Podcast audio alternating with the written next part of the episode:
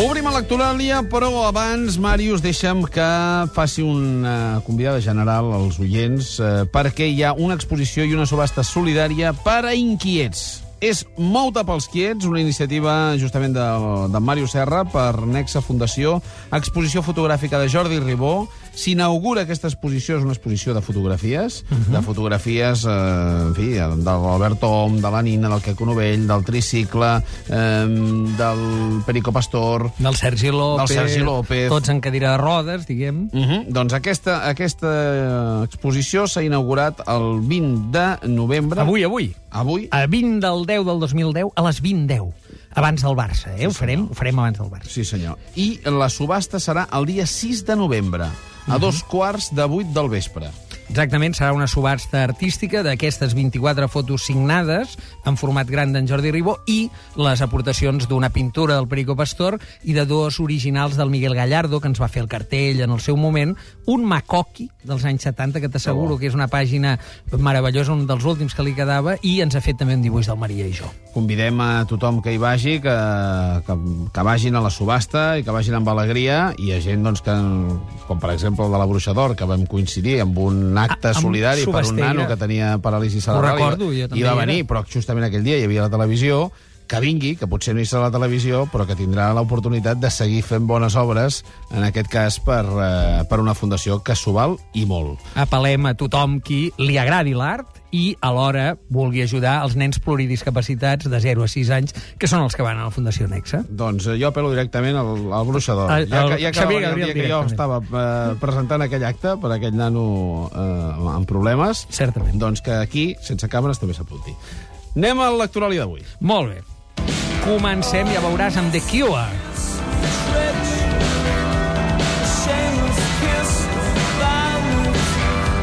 Per què sona de Cure? Sona aquest Disintegration dels anys 80, que és una mica, diguem, caòtic i mental, per il·lustrar una, una obra, una primera obra d'un autor nord-americà que està causant sensació als Estats Units. Val a dir que ja amb el títol paga, eh, te'l dic en l'única traducció que hi ha de moment, que és el, el castellà, Todo arrasado, todo quemado. L'autor es diu Wells Tower, això ho ha traduït Ismael Atrache per Seix Barral i es va publicar ara fa uns mesos.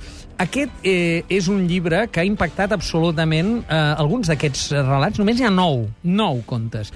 I ja havien sortit del New Yorker i realment ha estat, mm, diguem, eh, rebut com una nova manera de seguir una línia com el Chiver, com el Carver.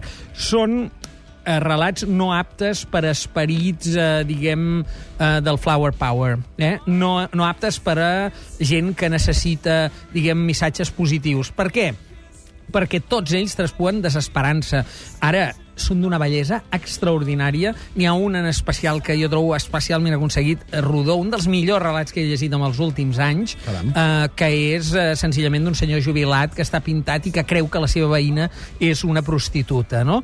I eh, ell viu amb la seva filla i mira, i en realitat doncs, no és una puta la veïna, sinó que es dedica a uns altres afers, i ens quedem com esfereïts. Eh, val a dir que no és que s'hi revegi, no, no, no és que va buscar... No va d'enfant terrible, eh? no va a buscar com el eh, Chuck Palahniuk o algun altre tipus No de postes subratlla. dures. No, no subratlla, mostra.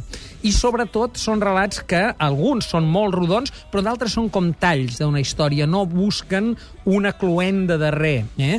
I això els fa més desesperançadors, perquè en realitat la vida moltes vegades no té un argument, no? Ara en parlàveu amb l'Emili, eh? I, eh, de dir, què vol dir això de l'argument, tancat de què va? No, no, és els ambients. Val a dir, per, per acabar-ho de, de, de situar, jo el recomano ferventment amb aquesta prevenció, eh? Atenció, perquè no és un llibre, diguem, amable.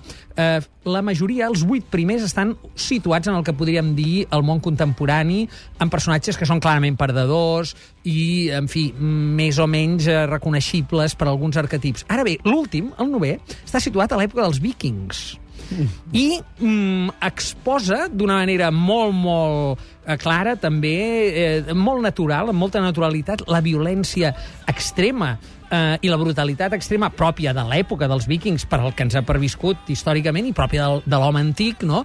i el contrast amb el que ara considerem eh, bé, inacceptable o violent és esfereïdor. La història d'un viking és molt convincent, és versemblant, no és que sigui realista. Entres allà, no pretén fer, diguem, Ja. un relat històric, i et quedes eh, realment amb un regust dur, però d'una gran bellesa. Mots clau. Negró, fracàs també, devastació, i aquests dos autors que abans mig t'esmentava, si us agraden els relats, els contes de John Cheever o de Raymond Carver, aneu a Wells Tower, perquè Todo arrasado, todo quemado us agradarà. Rellegit. Mira que ets bonic excursionista. Excursionista de Quimi Portet il·lustra l'excursió i d'altres maramagnums. Bé, eh, per, és de Gerald Darrell, això ho treu la Magrana, eh, traducció de l'anglès al català de Jordi Arbonés, un clàssic, un traductor clàssic ja desaparegut. Eh, és una mica per compensar, eh? Va. Té portat el Gerald Darrell, és el germà del Lawrence Darrell, però va ser conegut com el naturalista amateur en moltes sèries televisives dels, de, de fa molts anys, de quan nosaltres érem petits, anys 80, anys 70, no? Aquest senyor eh, va publicar aquell llibre de contes l'any 73 i és també autor d'altres que potser hauran llegit els nostres oients, La meva família i d'altres animals, Ocells, bèsties i parents... Ell sí que és, té un humor amable, no exclou l'observació punyent de la realitat, però són francament divertits, eh? Vull dir, molt recomanables, diguem, per esperits una mica més sensibles que hagin quedat amb el Wells Tower una mica fotuts.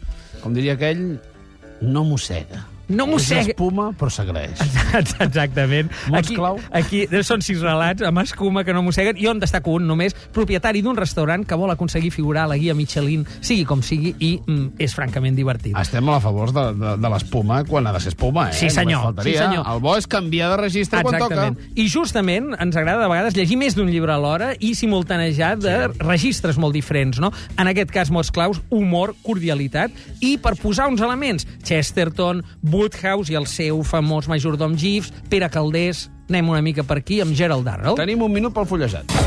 El fill del mestre fa ninots. El fill del mestre de Jaume Sisa il·lustra Joan Solà, 10 textos d'homenatge. Certament, un llibre per a un mestre, per Joan Solà. Això ha sortit a Empúries, és una edició a cura de quatre als seus deixebles, Sebastià Bonet, Lluís Pairató, Neus Noguer i Emili Boix, i es presenta avui a la universitat, aquest sí que surt calent. És, bé, s'han escrit molts llibres, Joan Solà ha escrit molts llibres, però se n'han escrit molt pocs, diria que és el primer sobre la seva obra, ara que ja diguem, és un mestre i premi d'honor a les lletres catalanes, li ha arribat aquesta edat de rebre llibres d'homenatge recomanable Joan Solà, 10 textos d'homenatge. Aprofitem per felicitar el mestre, no? Oh, i tant. El fill del, tots els fills del mestre, que en té molts, el feliciten efusivament. Màrius, moltíssimes gràcies. A reveure. Fins la setmana entrant. Adéu.